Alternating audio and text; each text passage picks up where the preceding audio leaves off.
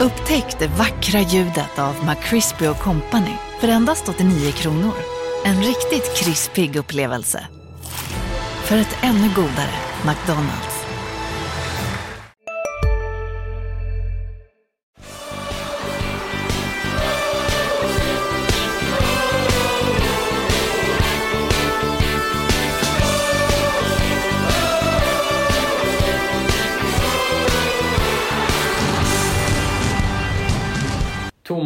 Kosma, målvaktstränare i Landskrona Boys. Varmt välkommen till eh, Landskrona Boys-podden. Tack så mycket. Tack så mycket, tack så mycket. Poddebut har jag förstått. Jajamensan. Hur känns det? Ja, det är ju bara, bara roligt. Lyfta fram eh, målvaktens arbete. Det är gött. Underbart. Vi eh, börjar med en fakt, faktaruta i sedvanlig stil. Mm. Ålder. 41, 42 i november. Bo. Ramlösa. Yrke. Ja, eh, till viss del fotbollstränare då i Landskrona Boys. Och sen så eh, driver jag ett bolag som heter CG Glass Sweden AB. Som jobbar med fasadglas, till exempel Olympia. Arenan där, allt sånt glas. Visserligen den gamla firman som jag jobbade på med sådana typer av byggnader. Vad gör du mer exakt som dagarna? Nu är det, jag driver det helt själv så det är allt från försäljning till eh, orderkontroll till eh, ja, offerter och orderbeställningar och reklamationer och allt vad det nu är. Helt och hållet. Familj. Jajamensan, jag har en fru och två barn eh, i huset. Moderklubb. HSK, Hässelby SK. Uppe i Stockholm. Tyngsta merit. Tyngsta merit? Ja du. Kan det ha varit... eh, andra plats i skolslutspelet i USA, college. Eh, I seniorfotbollen. Sen har jag ett eh, P16 SM-guld med Brommapojkarna. Bästa fotbollsmatch du spelat. Ja, men det är ett eh, derby mellan University och Mobile och Spring Hill College. Där jag spelade ja, Uni- Spring Hill då, så var det på bortaplan. Det är den absolut bästa matchen. Tyvärr avslutades med ett rött kort. För dig? Ja. Okej. Storspelat felaktigt inte. naturligtvis. Okej, okej. Vi skyller allt på alltid, alltid. Bästa spelaren som du spelat med? Oh du. Alltså Stefan Pallen var bra. För de som inte vet vem han är. Vem? Spelade i Öster, vart i Brann. Gjorde väl någon landskamp tror jag, om jag inte minns fel. Lite osäker på det. Ludvig Ernsson kom i den vevan också. Men det var en kort period. Eh, Jag skulle nog hålla dem väldigt högt i varje fall. Sen ungdomsfotbollen så har jag ju spelat med Nils-Erik Johansson och, och Pab- Pablo Pinones Archo och en del spelare som har gjort det väldigt, väldigt bra också eh, i sina karriärer. Men det, det, då har vi ändå något år tillbaka i tiden. Liksom. Bästa spelaren som du har mött? Ja. ja, det vet jag inte. På rak arm så här faktiskt.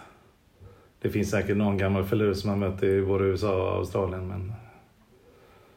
Nej, kom inte på någon namn så. Bästa tränaren du haft? Bästa tränaren jag har haft.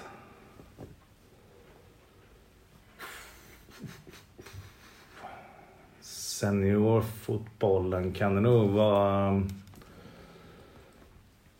Peter Svensson i Ingby. En gammal elitspelare i Brommapojkarna som sen blev tränare. Det är ju motsvarande gamla division 2. Han är- Han var riktigt bra. Fritidsintresse? Ja, det är ju... eh, Försöka vara ute vid... Alltså jag är en beachboy så jag gillar ju att vara vid stranden alltså. Eh, havet. Det är allt från eh, kan eh, kväll på en vardag och ta familjen dit och äta middag på stranden och picknick. Eller, och bara ha massa lekar på stranden. Bolllekar och allt vad det nu kan vara. Det är gött. Inspiratör? Och det finns många. Det finns många. Inom... Eh, jag får ju nästan säga att jag är inspiratör inom olika områden. Då. Ehm, eh, det finns, finns företagsledare som, som eh, imponerar med sitt ledarskap. Eh, Sir Richard Branson till exempel. Eh, Inte bara för att han har blivit en miljardär utan mer hur, hur eh, han har byggt sina företag och hur kundnöjdheten oftast är och hur anställdas nöjdhet oftast är. Sen finns det väl olycksfall i arbetet där också men eh, det, nej, han är duktig.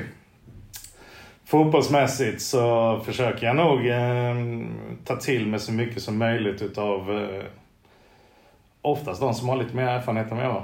Eh, mycket kontakt med Jonny Fedel, eh, mycket kontakt med Benny Johansson, gammal Landskrona-profil. Um, Jonny de, Fedel, för de som inte har koll, är Malmö FFs målvaktstränare. Precis. Och, um, de har ju varit med om, om, eh, om mer än någon annan, av förklarliga skäl. Eh, de är födda tidigare och, har kanske en karriär, åtminstone inom Sverige, som är på en mycket högre nivå. Eh, så att, det, det är alltid intressant att prata. Förhoppningsvis är det likadant åt deras håll. Alltså vi, vi pratar aldrig ensidigt. Så det, det är kul. Ditt livs värsta ögonblick? Värsta? Det var en negativ syn på, på det hela. Det kommer en mer positiv fråga här efter. Ja, eh, värsta ögonblick? Oj. Det... Um,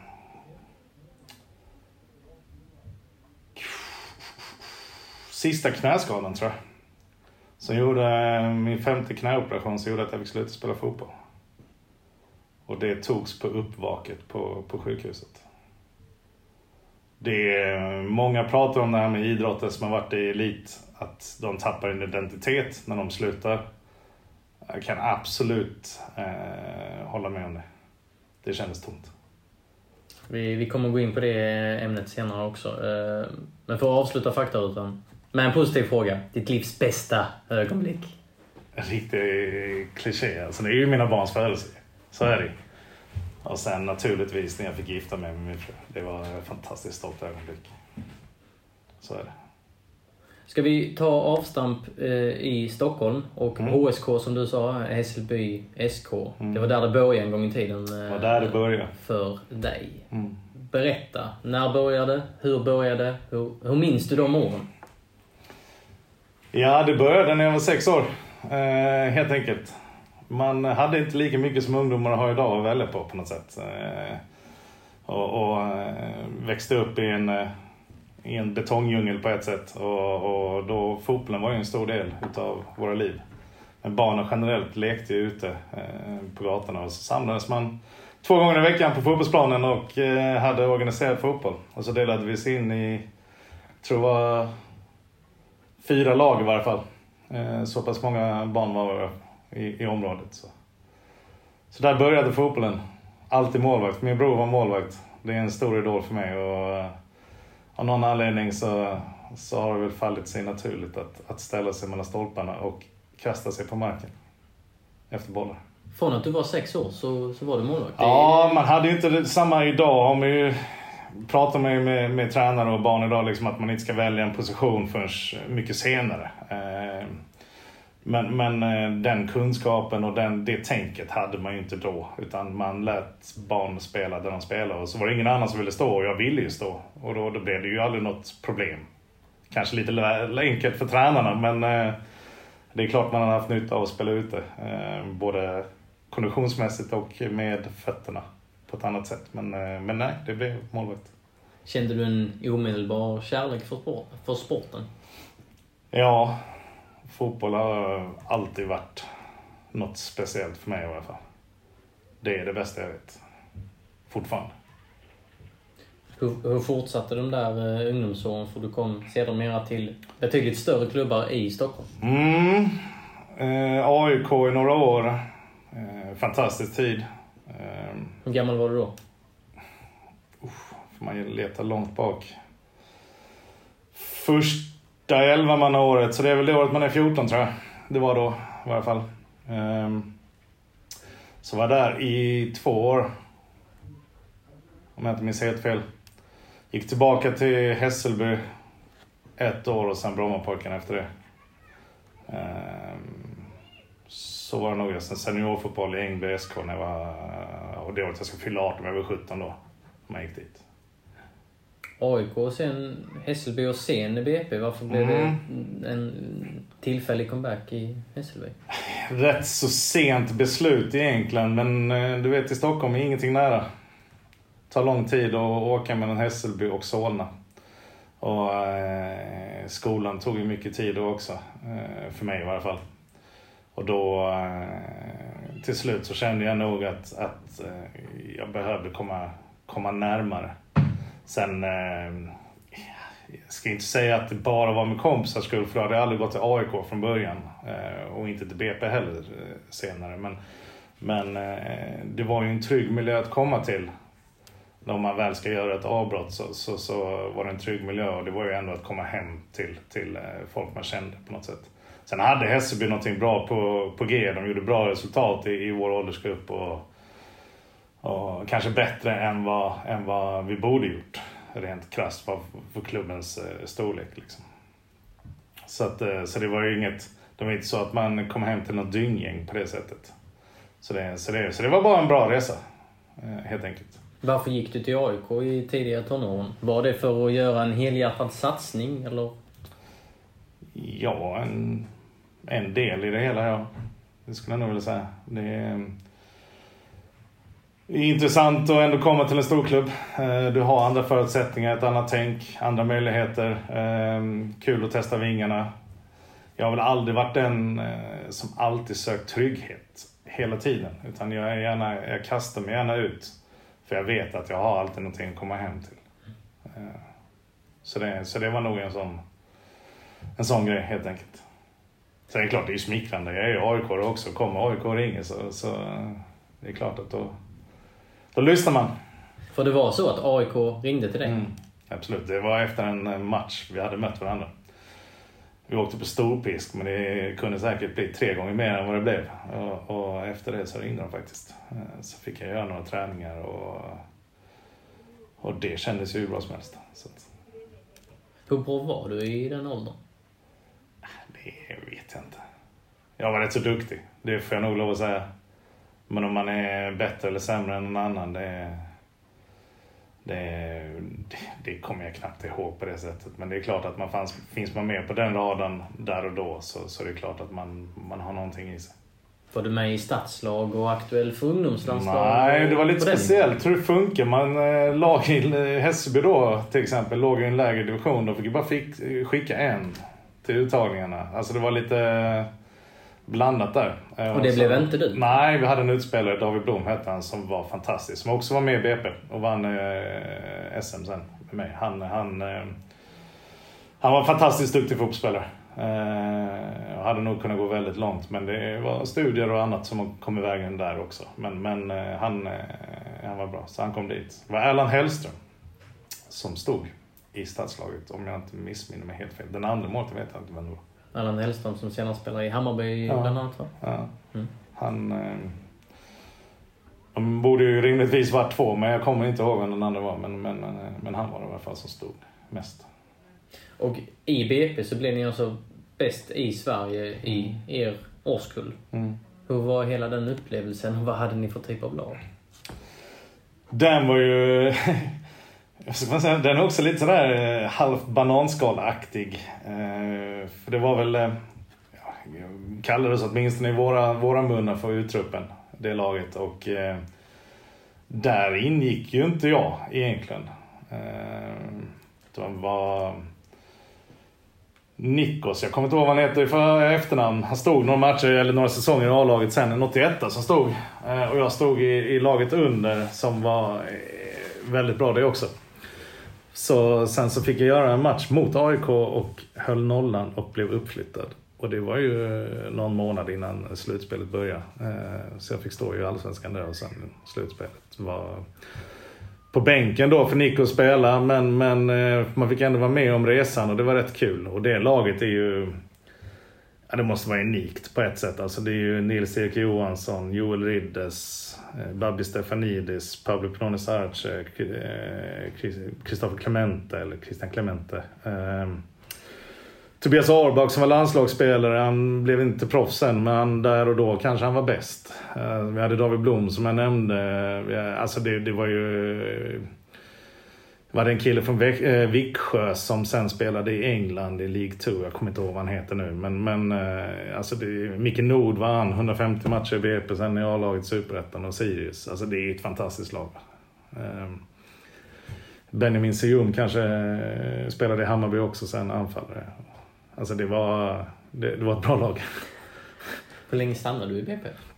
Det var de säsongerna. Sen så valde, vi, eh, valde jag att gå till seniorfotboll, Ängby. Eh, det var mitt eget val då. Ehm, och tyckte att det var lockade. Eh, jag och Micke Nord, en av mina bästa vänner då, han, han eh, gick också med från BP. David Blom kom också. Så var vi där och det var, var en väldigt utvecklande tid. Kanske något år för tidigt, kanske inte. Jag vet att man kan ju aldrig liksom se spåkulan om man hade valt den andra vägen. Men, men för mig där och då kändes det väldigt rätt i varje fall. Ehm, Eh, att göra. Och det, jag ångrar det inte, men ibland är det klart att man funderar vad som hade hänt om man hade stannat kvar. Eller om man hade valt någon annan väg. Vilken division var det? Då var det motsvarande division 3 vi vann det året. Eh, det, alltså Ängby är ju en klubb som hade väldigt nära samarbete med Brommapojkarna. Och det var väldigt, stort sett hela laget hade haft någon typ av historik i Brommapojkarna. Så det var välutbildade fotbollsspelare. Sen var de flesta födda runt ja, mellan 75 och 77. Så de var lite äldre. Eh, och några något år äldre liksom. Men, men eh, så det var väldigt bra fotbollsspelare. Härligt, härligt gäng. Bra, bra klubb. Var det aktuellt att komma till en elitklubb igen eh, senare? Ja, jag gick ju till Öster eh, från Ängby när jag flyttade ner till Växjö. Men jag flyttade för studiernas skull eh, till Växjö universitet. Ehm, och kom till Öster och var där i fem månader och bara tränade egentligen. Eh, tillsammans med Claes Gren och Peter Kenfors var Lilldamma som var, som var huvudtränare. Och vilken serie spelar Öster i då? Superettan då. Så var jag där i rätt många månader och eh, fick kontraktet sen för Claes Gren eh, gick till Växjö BK, alltså trappan ner och eh, fick kontraktet. Och där återigen så kom man till de här situationerna där man ja, kanske mer skyddad idag med agenter och allt vad det nu är. Jag hade ju inte det och förhandlade inte fram och, och diskussioner med, med Ingbo och BP, lång historia. Men hur som helst så till slut så kom man överens om, om en övergångssumma som skulle betalas. För det var ju att man kunde bli ettårsfall och, inte spela fotboll överhuvudtaget. För att man satt fast mellan två klubbar. Och där och då så, så sa jag okej okay till att spela en träningsmatch men eh, skadade mig och så hade vi en klausul och det var samma sak med alla. Det var jag och Tobias Edenvik som nu Norrby har tagit in igen som har varit akademi akademiansvarig där och Kristoffer Bubblis och Rosendal och så Jonas Almén. Om vi skadade oss där så hade de rätt att bryta kontraktet fram till säsongen började. Så länge de inte har betalt hela övergångssumman. Och Öster hade ganska stora ekonomiska problem då och eh, hade någon avbetalningsplan liksom, eh, till BP slash Ängby för BP hade rätt till 50% av summan också. Och eh, där skadade jag mig och var borta i nästan två månader. Under den tiden så um, förstår jag, idag förstår jag klubben, men det var lite knäckande då. Men jag förstår klubben. Björn Stringheim Stringhäng blev ledig. Och han har spelat i Malmö FF och han kom för någon mindre ligaklubb i England gratis. Eh, så de signade honom. Och eh, jag fick riva mitt kontrakt. Och då, eh, det är klart det var knäckande men, men, men eh, det lärde man sig mycket av. Men det var där och då jag tog beslut att jag kan inte satsa på fotbollen på heltid för det är så lätt. Jag kände mig liksom, jag var... Jag hade inte, jag hade jag det? Jag kanske var 20 år då. Jag hade nog fyllt, precis fyllt 20 år ja. Eh, och kände att om man, det är så lätt att kasta iväg en spelare, alltså att bryta ett kontrakt. Eh, det vågade jag inte riktigt satsa på. Då hade jag ändå liksom flyttat för studierna helt själv, kände ingen i stan. Alltså, jag, som sagt, det har jag inte haft något problem med, men, men det blev för stort för mig. Eh, så då kände jag att måste, jag måste ha studier att falla tillbaka på. Så då, där blev det ju någon typ av... eh, hack i elitsatsningen på ett sätt. Även fast Växjö Norra till exempel som spelade i, blev, blev, eh, alltså han spelade i motsvarande division 1 var superseriös. Fantastisk förening. Eh, så är det ju ändå inte superettan. Eller så. Man känner det är inte Öster. Öster är en stor förening i Sverige. Eh, Öster, Öster var stort för mig. Det var, var nästan, var nästan, eh, nästan för stort med tanke på att man inte har spelat seniorfotboll på den nivån innan man kom från Ängby. Eh, ändå varit i storklubbar innan som junior eller ungdom men, men i seniorsammanhang så var, så var Öster stort. Då. När det sen då bröt så, så blev det lite hack i skivan, så är det ju. Eh, men det var, det var nyttigt. Jag lärde mig väldigt, väldigt mycket av det.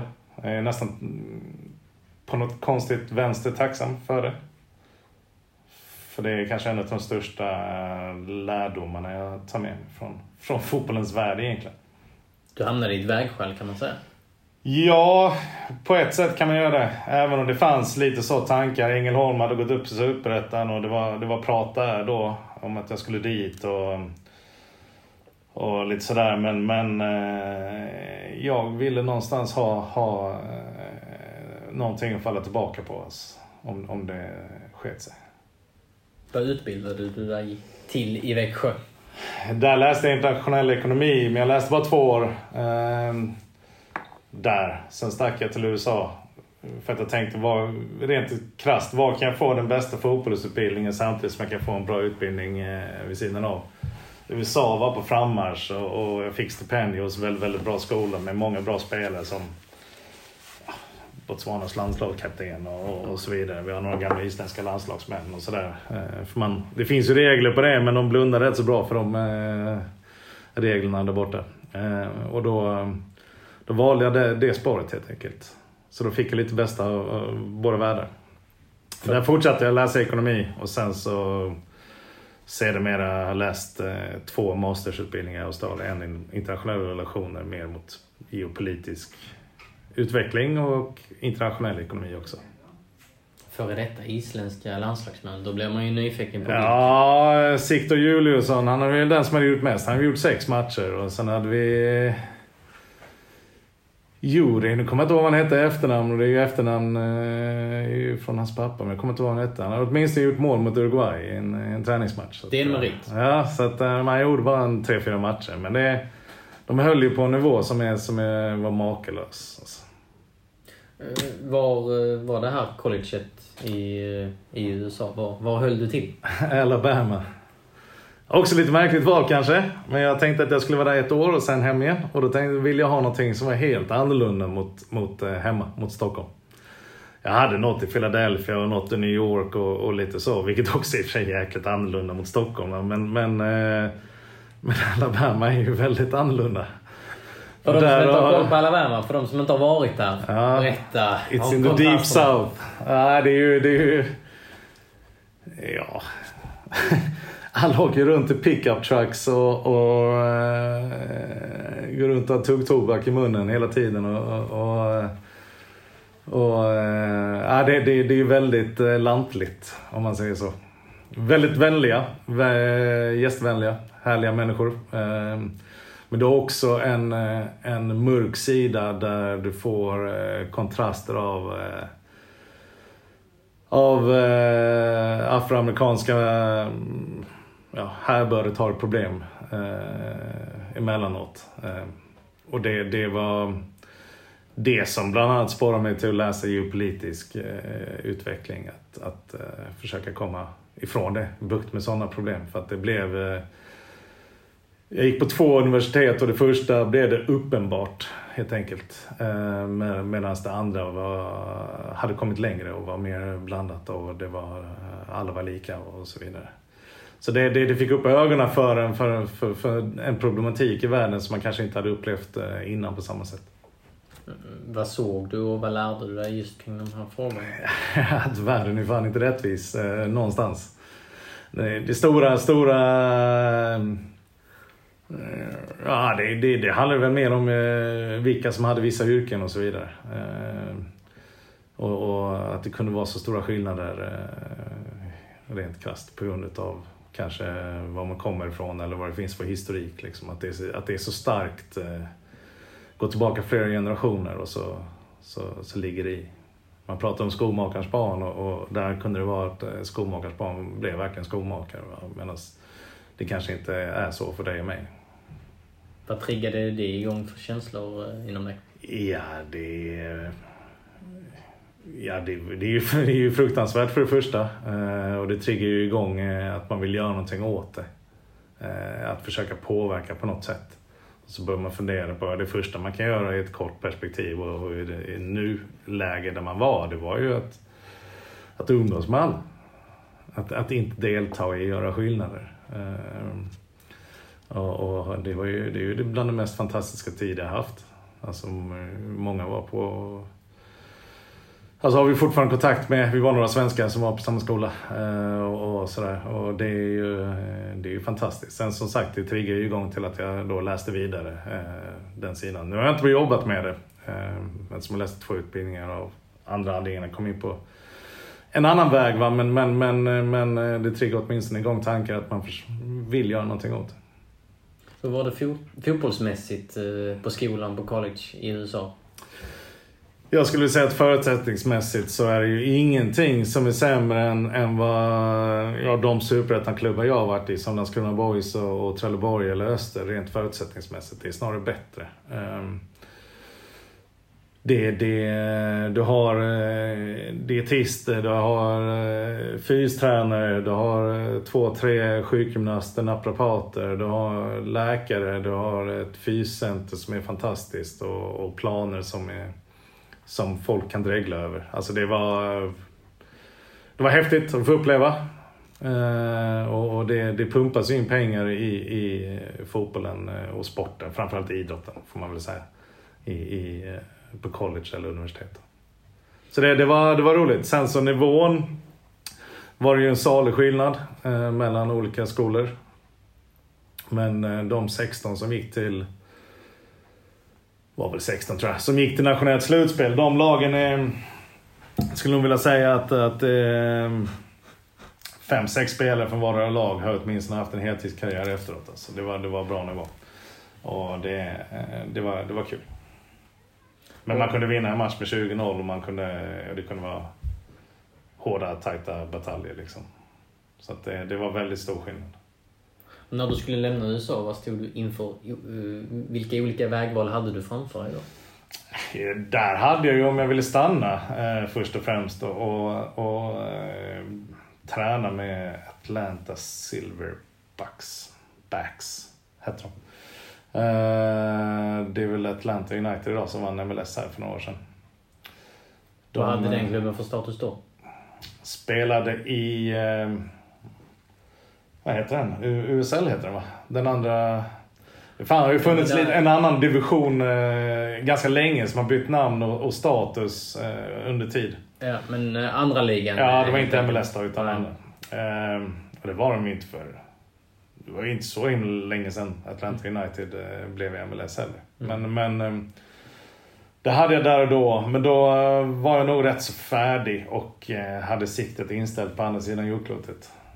Ehm, jag, jag ville, till, ville, ville till Australien. Har alltid velat det. Jag reste runt där efter en fotbollssäsong och, och, och ville tillbaka.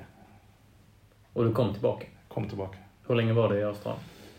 I eh, ett och ett halvt år.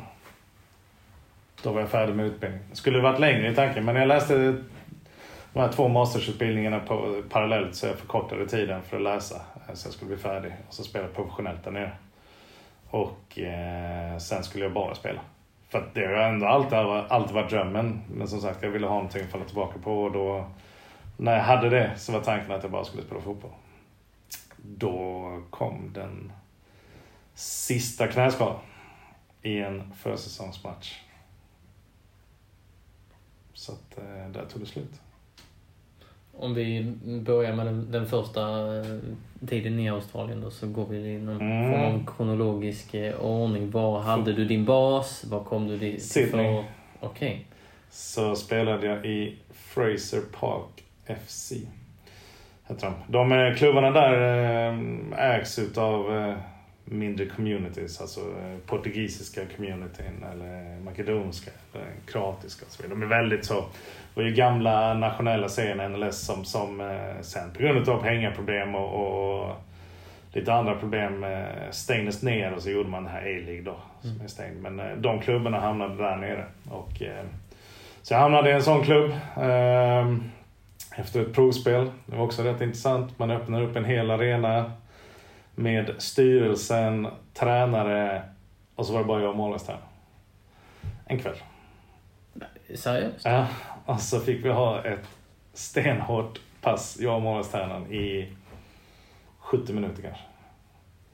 Och Du blev verkligen granskad. Ja, och sen så eh, hade de den kvällen, för det var väldigt tajt med transferfönstret. Eh, De hade lite så, eh, det var ju några matcher in på säsongen. Och då hade de ett, ett, en lucka, alltså där kunde man göra en justering. Liksom. Eh, och sen var det ett större fönster längre fram. Men där, där fanns det tid för en liten justering. Så här. Och den eh, var ju mot sitt slut. Så då eh, tog de ett beslut på kvällen och så samtal dagen efter och så lite diskussioner. Och jag var inte så himla svår flörtad om jag ska vara ärlig. Det var, var, inte så, det var inte så långa diskussioner utan det, det blev väl ett ja och så skrev vi under och så körde vi. Dagen efter det fick tränaren sparken. O- Ja, eh, han har spelat Afrikanska mästerskapen och i Portugal i många, många år. En portugisiska klubb då. Men eh, resultaten var ju också kanske därför det var, fanns en öppning att, att, att komma dit. För att resultaten hade väl inte gått i deras väg. Då. Så, så det var nästan som... Eh, kändes nästan lite skönt på ett sätt. För det var ju en ny start för, för alla då helt plötsligt. Eh, inte bara för mig att komma in i en grupp utan det var en ny start för alla. Så då, eh, det var roligt. Blev, eh, man får väl säga att min sista säsong eh, slutade på topp. Blev årets spelare och höll nollan mot dem som vann serien i sista matchen. Och med den nollan, alltså 0-0 blev det, och med den matchen så höll vi oss kvar i serien. Så att, eh, det var väl en sån eh, roligt, roligt avslut. Eh, första gången en målvakt någonsin blev eh, årets spelare. Så det, den var man glad och extra stolt över. Och det bidrog väl till ännu starkare drömmar om att göra ännu mer, misstänker jag. Absolut, så är det ju. Och, och då kom det en del anbud in. Eh, Varifrån? därifrån just då. Eh, och så gick jag, följde jag faktiskt med tränaren för att han fick också ett anbud att gå vidare. Jag följde med han till Rockdale Citizens. Och, eh, Var spelade de? i? samma division men det var en helt andra förutsättningar. Klubben är större, andra ekonomiska möjligheter. Staden byggde en ny arena och träningscenter åt dem. Och det, var, det är en mycket större klubb. Ehm, Fostrat många, många lokalspelare som, är, som blir stora, alltså australiensiska högsta ligan och så vidare och en del landslagsmän och sådär. Så att de, eh, det, det fanns en annan historik på det sättet. Framgångsrik historik. Eh, Fraser Park hade också sin historik men inte lika framgångsrik kanske. Eh, och där... Eh, det var ju fantastiskt. Det var ju roligt eh, i mångt och mycket. Men eh, där blir man varse kanske lite om de här problemen som fanns i tidigare NL, NSL eller vad den hette då. Eh, för det var där jag skadade mig och så slutade lönebetalningarna komma och så gick det till en tribunal som jag vann och sådär. Men, men för jag hade gjort allting rätt. Men, men därav problemet var det man ville komma åt genom att stänga av den gamla nationella ligan. Och skapa A-League med mer kontroll och, och professionell verksamhet på det sättet. För att ge eh, spelare Trygghet. en trygghet och Ja, ja absolut. Och, absolut. Det blev ju ett jätteproblem för mig personligen, men vi löste det till slut. Eftersom jag inte hade gjort något fel? Och, och fick allting. Men det, det, det är klart att det blir en stress. Så är det ju. Vilka pengar pratar vi om? Vad, vad tjänar Ah, det, det håller jag för mig själv. Tråkigt svar, men så får det vara. Men var det på den nivån så att du kunde leva på Ja, det? ja, ja, utan tvekan. Mm.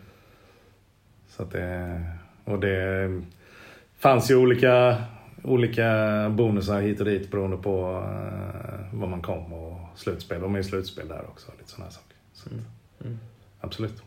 Sen kom skadan. Sen kom eh, skada eh, där nere. Och eh, Det är lite märkligt, men det var den tredje knäskadan. Egentligen hade jag haft två stycken innan och kom den tredje eh, i en match. Jag vet inte, knät svullnade väl upp på kvällen. Jag hade fått blivit utbud 85 minuter för det var debuten i den klubben. Och supporterna stod och applåderade. Det hade gått fantastiskt bra faktiskt. Det är inte så ofta jag brukar säga det, men det var en sån... Man kände att fan, det här kan bli en riktigt härlig säsong. Så svullnade knät upp på kvällen och dagen efter kunde jag inte gå. Och eh, sen eh, fick jag göra en operation där nere. Utav, eh, de hade sån olympiska kommittén, australiensiska kommitténs eh, läkare, eh, kirurg, han, han opererade knät då. Sen eh, misslyckades det så fick jag operera om mig hos Patrik Överli. Då var han på Movement, han hade startat Movement-kliniken i Halmstad. Och eh, fick göra två operationer till där faktiskt. Och för den första blev inte helt lyckad och den sista operationen så sa han att jag har ändå haft ganska tur med knä, jag kan göra mycket saker idag. Eh, och, och trots att liksom så många operationer. Och då kände han att eh, jag skulle avråda att sluta spela fotboll. Och då var det sluta.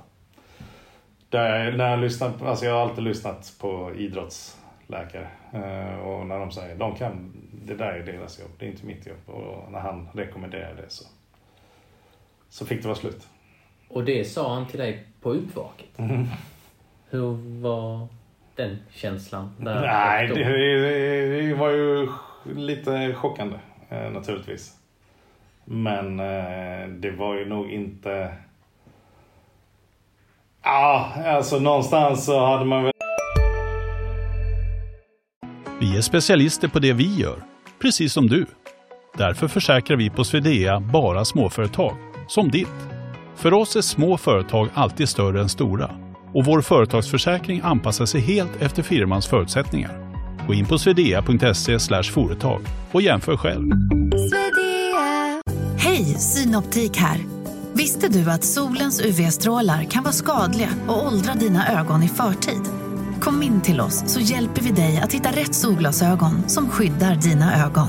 Välkommen till Synoptik. Eh, funderade en del på det innan själv ändå. Alltså. Eh, det, är ändå det är ändå femte gången man är under kniven och då i samma knä och då det är klart att du funderar lite.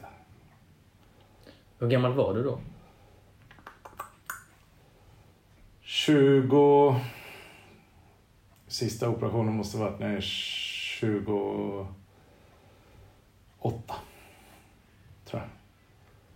Och det är lite ironi i det hela för att eh, där, där och då så hade, fanns det ett erbjudande både från, från eh, I-League i, i Indien och det fanns en inbjudan till Vittorio Gumares. Och det I fanns, ja, och, och, det fanns eh, tidigare innan jag flyttade hem för jag gjorde operationen i Sverige då onekligen. Och, och också från, från eh, Sydney FC i, i A-League. Så det är lite, när man, eh, tragikomiskt på något sätt att man väljer en väg att ha en trygghet och någonting att falla tillbaka på. Och sen när man ska vara färdig med, med skolan så ska man bara låta låta det flyga eller låta det ge sin möjlighet och sin chans. Och när jag blev färdig med skolan så skadade jag mig och fick aldrig chansen att, att flyga helt ut trots att erbjudandena fanns där.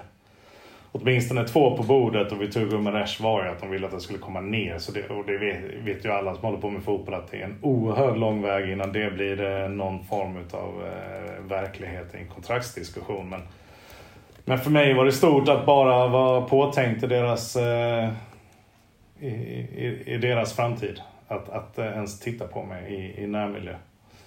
Eh, och det har naturligtvis en koppling till att jag hade spelat för, för Fresh eh, Park, en portugisisk klubb då, som, som de har ju scouter där nere och ser varandra och pratar med varandra och känningar. Så, att, så det var den vägen det, det hade kommit då. Då visste inte de att jag hade två, alltså två operationer till här hemma i Sverige. Så att, hur mådde du de eh, månaderna efter beslutet togs att det blir eh, inte mer fotbollsspelande för din del? Ja, då mådde man väl inte jättebra. Eh, gjorde jag inte. Jag har en underbar familj som alltid har stöttat och min fru, eh, då var vi ju sambos, men hon är, eh, är världens mest fantastiska människa. Hon, eh, hon var ju där för mig Och då bodde vi i Köpenhamn. För då kände vi, då, då flyttade vi dit för hennes skull. Hon doktorerade och då Köpenhamn har ju mycket annat att erbjuda. Så det var ju ändå, man kunde bli underhållen på ett annat sätt. Försöka få bort tankarna. Och då höll jag mig borta från fotbollen helt och hållet. Kommer jag faktiskt inte ihåg, för nu går det lite, går åren lite ihop faktiskt. Men jag har för mig att det var två år. Eh, så då var jag enbart support. Gick och kollade live-fotboll, FCK, för jag bodde ganska nära arenan. Var Bröndby någon gång och någon annan arena, Lyngby någon gång och sådär. Men, men eh, då var jag bara supporter. Det var härligt det också. Ja. Men, men eh, du blev sugen på att näsla dig in i, i fotbollsbubblan igen på allvar? Som sagt, det är det, bästa, det är det bästa jag vet. Fotboll. Det blir man ju varse om efter de där åren, att det är något som saknas än. Det går inte att... Eh, den här känslan när man står i, i spelartunneln inför en match. Det går inte att ersätta det. Det går inte riktigt att ersätta det som tränare heller, men, men det är nog det närmaste man kan komma i varje fall. Eh, tycker jag. Och, och eh, jag ville tillbaka in i det. Ville ha den där eh, edgen i livet på något sätt. Eh, som, som, eh, som för mig, för min del, bara fotbollen kunde få fram. Efter Köpenhamn, slog ni ner bopålarna i Skåne då, eller vad väntade efter? ja, det, ja, vi flyttade till Helsingborg sen. Vi var där i give and take fyra år. Lite mer tror jag. Men något sånt i Köpenhamn och sen så Helsingborg. Sysslar du med fotboll på något sätt i någon klubb i Köpenhamn? Nej, jag, jag jobbade i Ystad eh, på företagen och glasbranschen och var fotbollstränare i Rydsgård där min bror var fotbollstränare. Så det var han som egentligen, vad ska man säga, lockade tillbaka mig in i det. Men han, han är fem år äldre och han, han känner ju mig kanske bäst i, i hela världen. Och han, han visste att jag, jag ville det här igen. Och, och, eh, så han frågade ifall, ifall inte jag ville vara med i tränarteamet där. Vilken nivå var det? Division 4 tror jag. Men det var en start. Det var, det var på ett sätt ganska härligt också. Um, Eh, och komma tillbaka till vad fotbollen är byggd på. Byggd på, på eh, kärlek till sporten någonstans och gemenskapen i ett omklädningsrum och, och, man gör saker och ting tillsammans. Och det var, det, var, det var nog rätt så nyttigt, tror jag. Jag tror inte jag hade hanterat att komma in i en elitmiljö direkt på något sätt. Jag vill nog, behövde nog eh, treva mig fram lite grann och känna att eh, det var det jag ville göra igen. Liksom. Och det var det. Ja, för du tog steg, steg för steg uppåt mm. i seriepyramiden. Mm. Jag var där i Rydsgård i två år. Um, andra året med Thomas Jernberg. För övrigt en legend i skånsk fotboll. Uh, Lunds SK, så han är väl ordförande där idag.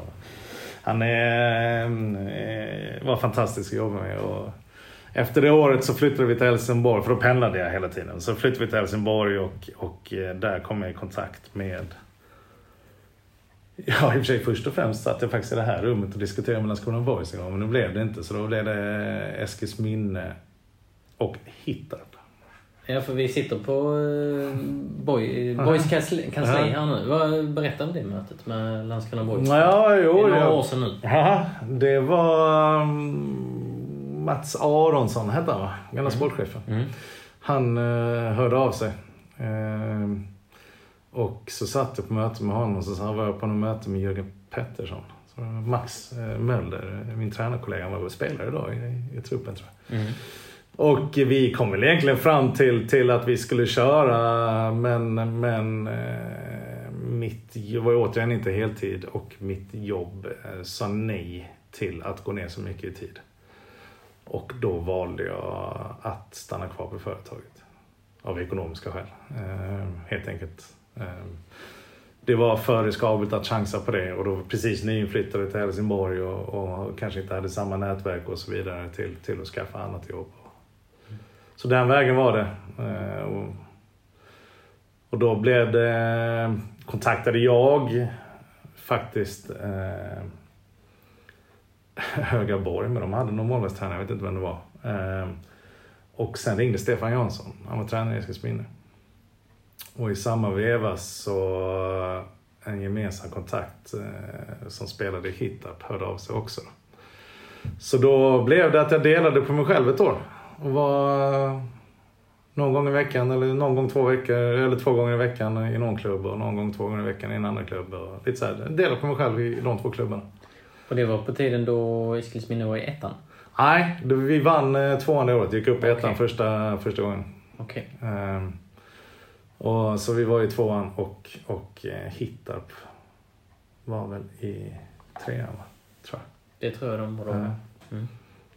Då var du med på resan upp Mm. till ettan för du blev kvar i Eskilsminne? Ja, där då fick jag väl göra ett val och då hade jag väl kommit fram till att, att eh, elitfotboll var kul igen. Alltså det var verkligen det jag ville. Det hade jag kommit fram till innan men det var ju så jag ville komma fram. Och, och division 1 är ju väldigt nära eliten i varje fall. Eskilsminne där och då var ju en klubb med förutsättningar som är de satsar mycket på träning och träningsmiljö och, och, och eh, utbildning var inga problem om man vill gå det och sådana saker. Och det var ju... Det lockade ju mig eh, att- att köra på. Så det blev det. Och efter Eskilsminne så blev det Trelleborgs FF. Mm. Då tog du ytterligare ett kliv upp Mm. Mm. åt i seriesystemet. Precis. Eh, och det var ju spännande. Då var det, det var ju Christian Heinz som, som ringde. Och eh, vi la ner mig där. Och, och efter några möten så tyckte vi att det var, var en bra idé. Att det skulle funka. Så det var roligt. Det var en... eh, Det är klart, det är... Division 1 i all ära, det är väldigt elitistiskt också. Men, men det är någonstans de två första eh, serierna i svensk fotboll som är eh, verkligen elitfotboll. Och, och, eh, och, och det var kul. Det var roligt att vara tillbaka igen på, på den scenen. Så är det. Sen var det ju väldigt märkligt första år då Corona slog till. Så man visste ju ingenting ett tag. Man bara tränade och, och allting. Men så att det blev ju en, ett märkligt första år, det får man ju ändå säga. Men eh, ändå, ändå väldigt roligt att vara tillbaka. Efter två år i TFF så ringde Boys igen. Mm, Denna gången fann ni en överenskommelse. mm. I vintras så blev du klar. I vintras blev jag klar, ja. Vad kände du när Boys eh, ringde och varför nappade du på deras erbjudande? Ja, först och främst så hade vi ju ingen fortsättning i Trelleborg. Eh, Den lösningen där funkade inte för mig. Eh, Så vi... Varför? Ja, tidsmässigt. eh, Helt enkelt familje och, och den andra, det andra företaget och, och få ihop saker och ting. Så, eh, så då valde jag eh, och, och de, egentligen båda två, att, att får vi gå, gå vidare. Ehm, och då kom denna öppningen och det är klart, jag har ju följt Boys i närmiljö med tanke på att man bor i Helsingborg. Eh, jag har pratat med Max flera gånger tidigare, träffat han och... och ehm, Bill- Max Mölder, alltså ja, tränare. Bill, Bill eh, hade jag väl bara mött liksom så. Men, men ehm, känner en del spelare och, och, och, som man har haft tidigare i Eskilsminne. Och man har bara hört bra om klubben och, och framförallt så det här som slog mig i varje fall när jag hade haft de första mötena och sen så när man väl har kritat på och man kommer hit varenda dag. Det är ju den positiva andan som klubben upplever just nu och de, de positiva vindarna är ju det är ju faktiskt fantastiskt att få med om. Och man märker också att det finns en, en oerhört stor eh, passion för den här klubben i stan. Det är, det är stadens eh, klubb, det är folk bryr sig eh, på ett helt annat sätt än, än, än vad som kändes av åtminstone nere till exempel i Trelleborg. Där man sliter lite med publiksiffror och så vidare. Det finns fortfarande ett väldigt stort intresse men, men, men här lever det på ett annat sätt. Och det, det, och det hade man ju hört vid sidan av hela tiden och att, att få då en möjlighet att hoppa på det tåget är, är jättespännande. Det är, det är sånt som triggar mig i varje fall. Alltså det, det är fantastiskt. Hur är det att vara målvaktstränare i Landskrona Boys? Hur, eh, hur ser din eh, roll ut? Vad gör du? Ja, vad gör jag? Jag eh, tar hand om våra målvakter, eh, helt enkelt. Både utanför och på plan höll jag på att säga. Men vi, vi jobbar rätt så intensivt med varandra. Ehm. Sen så är ju eh, tränarteamet det är det som är, och det är så det ska vara, eh, väldigt öppet och vi har öppna diskussioner där man deltar även i, i, i Alltså i, i det stora hela i arbetssätt och så vidare. Hur, vad vi ska göra på plan, eh, formationer, press och så vidare. Hur påverkar det målvakterna? Hur påverkar det försvaret? Hur påverkar det högre upp i banan och vad måste vi vara och så vidare. Eh, så det är, det är en eh, levande, öppen dialog som är eh, härligt och inspirerande att delta i. Så det är roligt. När, när jag har pratat runt med folk om dig så har, har en gemensam nämnare varit att du, du sägs vara väldigt fotbollskunnig. Inte bara sett till målvaktsspelet utan spelet i stort. Och många målvaktstränare har ju ansvarsområden som exempelvis fasta situationer och så vidare. Mm. Hur ser det ut där för dig? Du är, du är med i, i, i de stora diskussionerna som du berättar. Har du något konkret ansvarsområde, exempelvis fasta situationer eller liknande? Nej. Däremot så pratar vi väldigt mycket om det. Eh, framförallt defensiva fasta eh, hot eh, som kan uppkomma och, och motståndare, vad de är starka på och så vidare. Så här har jag in, inte någonting eh, konkret så. Utan det, det, det faller på, på andra, andra händer. Men som sagt, återigen så, eh, så är vi där och pratar med varandra hela tiden om det. Eh, I Trelleborg så, så, så jobbade jag lite mer så med Magnus Andersson, assisterande och fystränaren där nere, där vi hade fasta. Men, men för mig spelar det egentligen ingen roll vem som står på namnet så länge vi har en diskussion om det, för det påverkar mig. Det påverkar min ansvarige spelare, om man nu ska säga så, då, målvakt, hur vi agerar och hur vi ska göra. Så det, det är klart att vi pratar och diskuterar. Hur jobbar du med målvakterna som ju är i en mer utsatt position än vad utespelare eh, är på sätt och vis? De är mer utelämnade. De, de är där någonstans ensamma. Hur, hur, jobbar du, hur jobbar du med dem med tanke på det perspektivet? Ja, alltså man, jag tror ju på mycket kommunikation, alltså att man pratar eh, om situationer. Och jag stenhård i min tro att, att eh, du måste acceptera att en viss rädsla finns. En viss rädsla att känna sig utlämnad. Eh, den, den, och den känslan måste vara där. Och acceptansen måste finnas där. Eh, så det är klart att vi pratar om situationer, hur, hur de upplever saker och ting. Och, och det kan ju till exempel vara från eh, tryck utifrån. Eh, hur, man, hur man hanterar det, hur man kanaliserar det. Och, och jag tror ju inte på... Jag tror ju inte på att inte finnas där för dem. Att bara vara där fotbollsmässigt. För då, får, då, då kan du få en viss utveckling. Men jag tror den utvecklingen stannas av efter en viss nivå. Eh, Medan jobbar du liksom både naturligtvis då på fotbollsplan men du jobbar även sidan av med, med olika modeller eller prat om målbilder och, och hur man mår och, och det går inte en enda dag utan att jag kollar eh, med målvakterna som är här den dagen i alla fall. Hur de mår och ifall det är någonting både mentalt eller kroppsligt som jag behöver veta eller ha i åtanke. Eh, det, det, jag tror det är viktigt. Jag tror det skapar en trygghet. Det skapar framförallt, tror jag att de utvecklas, alltså en, utvecklar en, en, en, ehm, en trygghet i sig själva. Genom att veta att man pratar och man accepterar känslor. För jag tror, jag tror inte på att stöta bort känslor.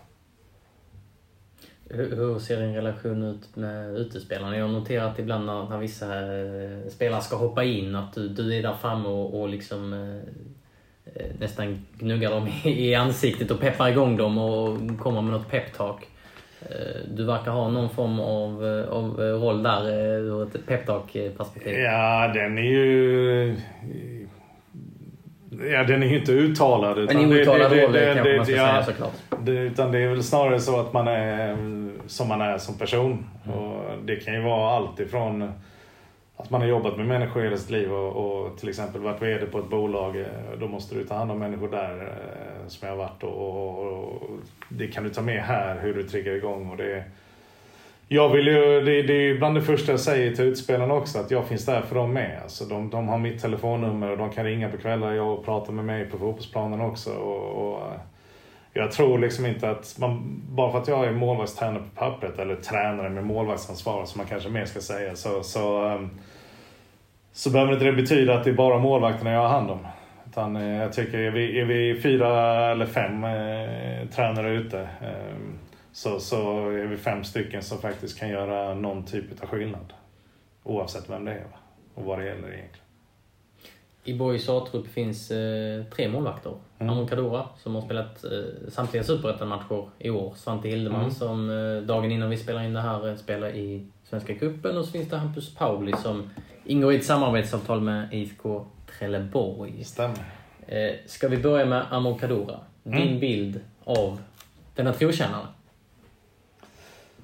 är ju eh, fantastisk kille. Superseriös i det mesta. Han, eh, han eh, vill utvecklas. Han vill eh, komma fram själv och han vill att klubben ska ta, ta sig vidare och ta steg. Så det är ju det är ju någon som brinner för klubbmärket på ett, på ett sätt som är ganska unikt idag. I, I fotboll generellt. För att det är inte många som har varit i klubben så länge som, som han har varit i så många år och brinner så mycket för det. Han är en väldigt, väldigt duktig fotbollsmålvakt. Men de alla tre, så, så liksom att recensera deras fotbollskunskaper, det, det, det kan ju ta både lång och, och kort tid. Och Vi har tid forum, men, men, eh, men en väldigt, väldigt duktig fotbollsmålvakt eh, som har eh, Alltså som har varit hittills väldigt, väldigt roligt att jobba med för att han, han är hörsammar mina idéer och nya tankar. Och jag säger inte att jag har facit eller svar på saker. Jag presenterar olika tankar och idéer hur man ska kunna lösa saker. Och, och väldigt delaktig i de diskussionerna, så det är kul. Amokadora, när du inte var här, fick eh, en del kritik. Eh, mm. Förra året framförallt under hösten. Mm har ni jobbat med det, du som har kommit in som en ny röst här med nya ögon och kanske ett nytt arbetssätt om man jämför med tidigare målvaktstränaren. Har ni, har ni jobbat med just det? För han var ju trots allt i en, i en utsatt position. Han fick en hel del eh, hårda ord mot sig förra mm. året. I januari så började ni eh, från scratch eh, när ni jobbade framåt. Mm. Var det no någonting ni har berört? Eh, ja, det, du har tagit hänsyn till? Ja, det är klart vi har pratat om förra året. Uh, och jag har ju sett honom i flera år innan dess. Uh, så det, det, är klart att vi... Det har jag gjort med alla målvakter egentligen. Uh, jag menar, jag, jag mötte ju Svante också nere på, på Vångavallen och, och, och, har väl sett han i ton. Och Hampus var väl den enda jag inte hade sett innan och hade någon historik med. Så att, så det, det, är klart att jag och Amr har eh, pratat om det och, och, vad jag ansåg att han har förbättringsområden som vi är väldigt tydliga som vi måste kanske jobba med mer akut. Kontra vad man kan jobba mer långsiktigt med. Och sen också naturligtvis vad han redan idag, eller då, i januari, var väldigt bra på. Och, och vad vi kan utveckla där och hur vi kan göra det. Ehm, jag har ju jag har ju varit motståndare och då scoutar man ju saker hos motståndarna och, och det är klart att där har man ju scoutat vissa, vissa svagheter och det är klart att det kanske har hjälpt mig idag när jag eh, väl ska då komma in i jobbet eller i januari när jag kommer in i jobbet. Så visste man ganska mycket redan, redan då. Så det var ju eh, på ett sätt en, en fördel att komma snabbare in i det. Hur har eh, Amakadoras utveckling sett ut under de här månaderna som ni har har jobbat ihop? Har ni lyckats få bort några skönhetsfläckar? Jag tycker han har utvecklats mycket i, i framförallt sin eh, prioritering i var han ska positionera sig eller hur han ska agera i vissa situationer. Hur menar du då? Ja, om man ska lämna målet eller stå kvar eller jobba med vinklar eller eh, hur, hur, hur långt ut man ska gå kontra stanna kvar i, comfort zone. Eh, vad är det? En halv halv meter, en meter framför mållinjen eller något sånt där för att få mer reaktionstid och så vidare. Ehm, där tycker jag att han utvecklas mycket. Eh, prioriterar lite mer i sitt höjdspel. När eh, det kanske blir en börda att gå ut kontra när måste man gå ut och när kan man gå ut även om det blir en duell men gör nytta det är ju någonting som, alltså det är beslut som måste ske på en hundradels sekund. Och, och eh, gör du inte det så är det väldigt troligt att det blir fel. Och där tycker jag han har utvecklats jättemycket. Eh, I det spelet. Så att, eh, det är klart att han har utvecklats. Sen, sen så säger inte jag att han Varken han eller jag är färdigutvecklade. Jag utvecklas varje dag utav de här eh, tre egentliga målvakterna. För, för att de har ju anammat det jag vill. Att man ställer frågor, att vi har diskussioner. Och, och de kommer ibland med lösningar som inte jag har tänkt på. Och det är klart att det kan man ju fundera på och, och, och anamma i deras spel och så vidare. Så, att, eh, så nej, det, det, han har haft, haft en bra utveckling.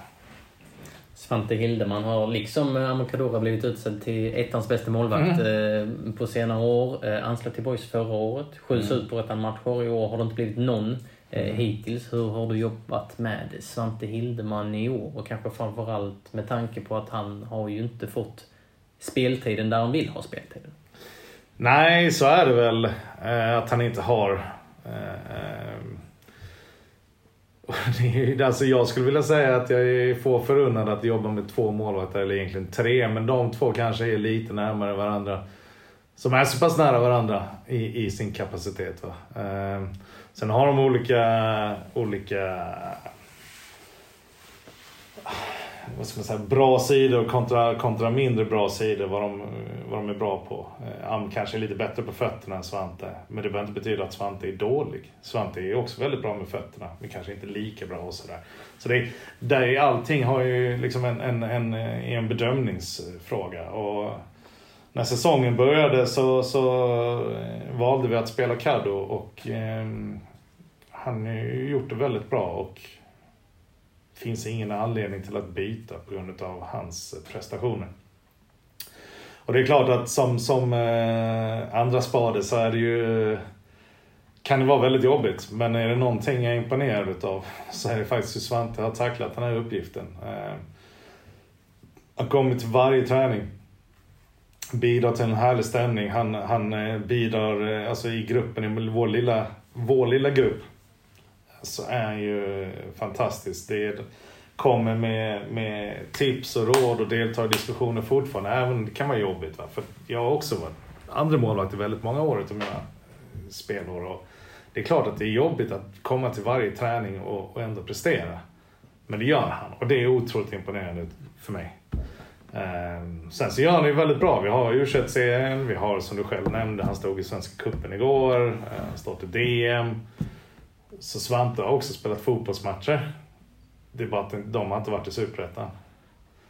Och... Du jag vet, kanske blir. Am har två varningar. Eh, han kan skada sig. Alltså det, det är ju den andra målvaktens lott att alltid vara redo.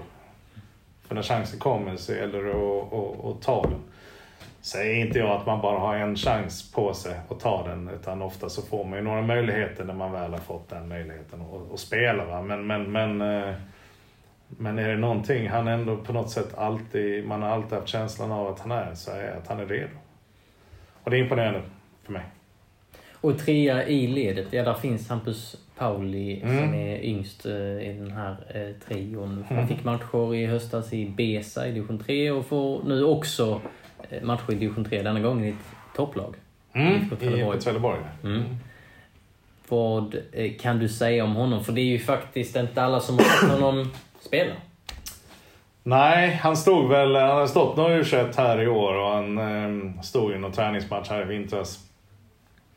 Han eh, är nog den mest explosiva målet jag någonsin sett i hela mitt liv. Det, det, det är galet, det är så hyperexplosivt så att det är nästan för mycket ibland att man kastar sig. Det finns nästan inget mellanläge och det är utmaningen med honom, det är att bromsa. Eh, Eh, faktiskt. Och det jobbar vi med varje gång han är här. Nu är han inte här lika ofta när han är då i IFK Trelleborg, men han är ändå här eh, två, tre gånger i veckan enligt, enligt ett uttalat schema, ett Hampus Pauli-schema som vi har. Eh, och och det, det, han, han jobbar ju stenhårt. Han är ju dedikerad sin uppgift och, och sin sak. Fotbollsspelaren Hampus Pauli. Och det, det är ju väldigt roligt att jobba med, med sådana människor. Vad är nackdelen med att vara för explosiv? Där, ja, det, det är väl det vi vill egentligen komma fram till, att det egentligen inte är en nackdel. Nackdelen med Hampus är att han kanske inte alltid kan göra bedömningen när han inte måste gå max. Eh, för det händer ibland att han, han eh, är så explosiv så han kastar sig max och så får han fånga bollen i, i magen. Istället för liksom i, i händerna lite mer utsträckt snett framför sig och i en, i en eh, bättre miljö liksom, eller bättre område. Så att eh, det finns ju utmaningar med, med att vara för explosiv just för Hampus Pauli. Eh, men det kan ju vara en för att han är som person eller att han är han. Men, men eh, där finns ju de utmaningarna till exempel. Men det är ju bättre det än att man måste jobba på att bli explosiv. Så att, han har ju många fina förutsättningar till att, att eh, göra en, en, eh, en god utveckling och få en fin karriär. Ja, vad, vad, vad, ser du för kapacitet hos honom? Han är 19 år. Mm. Jag vet inte om man ska sitta och bedöma att han är superettamålet eller han kommer spela allsvenskan eller han kommer spela i, i uh, La Liga. Eh, det tror jag inte vi kan, kan sitta och bedöma. Men det, det, han har egenskaper som, som många andra eh, sliter för att få. Och sen så är, har han inte alltid fått den eh, historiskt sett den, den bästa skolningen. Och där gäller det att hitta någon typ av balans man behöver inte ha den bästa tekniken, det är inte det jag är ute efter. Men, men du kanske måste förbättra vissa saker för att få ännu mer större nytta av att du är så pass explosiv som du är. Sådana här saker. Och bedömningar i positioner. Och det, och det har ju också utvecklats. Det tror jag alla kan se på träningsplanen när de är här och de matcherna han gör. Så han är ju väldigt dedikerad också. Liksom. Så att... Eh, så det är, det bara roligt. Så det, är, det är väldigt unikt att ha tre målvakter som det är eh, så kul att, att träna faktiskt. Som det är här. Apropå att träna målvakter. Vilken, vem, vem är den bästa målvakten som du har tränat genom årens lopp? Nu vill vi ha lite namn här. ja, bästa målvakten som jag har tränat? Ja, jag får nog ändå säga Johannes Hopp då. Gamle Bayern-målvakten? Ja. När tränade du honom? Ja, det, är, det är ju brorsan mest som har tränat han, men sen har jag fått hoppa in ibland när brorsan har varit borta och eh, jobbat med han i målvaktsträning. Eh, individuellt. Och isolerat och ibland i, ja, hela träningen i lag då. Eh, det, det, det, det får jag nog säga. Mm. Fantastisk. Fantastisk mål. Ja, där finns ju också några landslagsmeriter och spel i Turkiet bland annat. Ja, han gjorde väl någon landskamp tror jag. I alla fall åtminstone med trupper och mm. sådär. Eh, men Turkiet var ju fantastisk i också. Så att, eh, en karriär som tog slut lite för tidigt, tycker jag. Vilka målvakter i Allsvenskan och Superettan rankar du högst i år? Uh, uh, uh, uh. Uh, allsvenskan, alltså jag tycker ju vad heter han, i Djurgården, Zetterström. Jakob Fidel Zetterström. Mm, precis. Alltså jag är väldigt imponerad av honom. Tycker han är väldigt duktig. Sen finns det en del utvecklingsområden som man ser då. Men det gör det ju hos unga målvakter. De behöver rutin. Alltså han hade väl eh, på grund av hjärnskakningar var var ju borta från fotbollen i över ett år om inte jag minns minner mig. Och det, och det är ju alltså den, eh, den comebacken och göra det i, i en allsvensk miljö i en storklubb som Djurgården är. Så, så det är otroligt imponerande. Jag tycker han är eh, fantastisk. Och i Superettan? Oh. Alltså jag tycker ju Kadura har varit väldigt, väldigt duktig. Eh, sen är ju Malcolm i Halmstad en fantastisk målvakt också. Malcolm Nilsson ja, Säfqvist. Ja och, och, gjort det bra. Ehm, det finns många bra, det finns många bra målvakter i Superettan. Eh, det, det, jag skulle säga att det håller en, en hög nivå. Alltså. Högre nivå än, än vad många, många tror. Eh, faktiskt. Så att det, det Alltså till exempel du har eh, Västerås eh, som ligger bland oss. Eh, har ju Fagerström som är väldigt duktig målvakt. Ehm, du har eh, Brage som har gått runt på två väldigt duktiga målvakter. Så det, det, det finns, det finns, eh, finns många Du har två bra i Trelleborg. Du har två, eh, liksom, varenda match vi spelar så har du minst två i, i vårt lag som är duktiga i Superettan. Så det, det håller en hög nivå. Gör det. Vilken målvakt eh, tycker du är bäst i hela världen? Då? I hela världen? Ja, vi får du välja precis Ja, men nu kom vi där. Att man har tappat, eh, tappat kollen på den internationella fotbollen sen man kom in i, i, i elitfotbollen. Ja, vi satt och pratade om det innan inspelningen. Ja. Att, eh, vi är ju i fotbollsbubblan båda två på olika sätt. Men man missar många Premier League-matcher, många La Liga-matcher och allt vad det är. Ja, så att jag... Eh, jag har inte lika bra koll på det som jag har på Allsvenskan och framförallt Superettan. Det, det har jag inte. Men... Eh, alltså jag är United-fan så De Gea ju, kommer ju alltid fram för mig. Alltså, så är det. Sen har jag haft kanske några tuffa fighter nu här i början. Men, men uh, han är ju duktig i varje fall. Så mm. kan vi säga. Sen är ju sen är någon som är imponerad då, om man ska liksom tänka på det sättet. Alltså vi har ju vår Robin Olsson. Eh, det finns inte många målvakter som gör bättre matcher i landslaget än vad han gör. Kolla vad han har gjort för svenska landslaget de sista åren utan knappt fått spela i sina klubblag. Han är helt otrolig. Och varför han inte får spela, det, det är för mig eh, alltså en gåta. Men visst, jag ser ju inte han varje dag. Och, och jag ser ju inte hans konkurrenter varje dag. Så det finns ju naturligtvis förklaringar. Men, men alltså det han har gjort i, och gör i, i landslaget är ju helt otroligt egentligen. Det börjar närma sig tidig eh, torsdagskväll mm. om eh, ungefär eh, exakt två dygn. För klockan är 17.50 nu så går ni in och, och spelar mot eh, Örgryte på bortaplan. Mm. Det börjar väl 17.00 tror jag. Ja, det är alltså, pausvila Det är pausvila nu. Ja. Vad ser du framför dig i, i den här matchen mot ett lag som har fått ett otroligt uppsving eh, på senare tid? Jag tror att det kommer bli en väldigt rolig fotbollsmatch. Eh, bra fotboll. Det är två, två lag som spelar eh, fin fotboll helt enkelt. Eh, som, som jag förespråkar och som vi förespråkar. Eh, det kommer säkert vara eh, en del nerver och, och, eh, och mycket känslor inblandade naturligtvis. Det var det ju redan, vi mötte ju dem efter våra tre raka förluster, mötte vi dem på hemmaplan och gick upp till 3-0 i halvtid och sen så är det ju en 45 minuter närpers för, för jag tror egentligen alla. Eh, både på plan och utanför plan och på läktaren. Eh, som påverkar mycket och, och, jag säger den här matchen kommer nog inte ha lika mycket känslor på det sättet för de hade ju börjat lika dåligt bara med ett kryss. Så, så eh, nu har vi ju kommit upp oss lite båda två. Va? Och, och, så, så på det sättet kanske det inte kommer inte vara lika nervösa känslor men det kommer ju betyda mycket. Det är ju en Eh, Eh, en match. Eh, den är värd tre poäng men den är i vissa ögon kan man säga att det är en sexpoängsmatch om man nu vill, vill eh, säga så. Samtidigt så, så finns det ju en, en dagen efter där också. Oavsett hur det går för vilken klubb.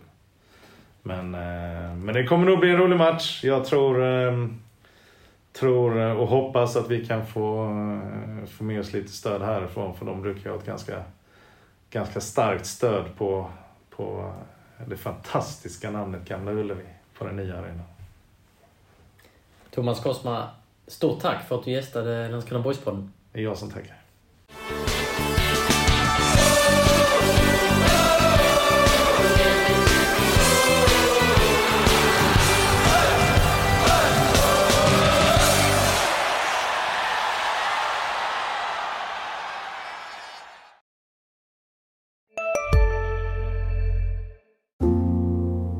Ska några små tassar flytta in hos dig.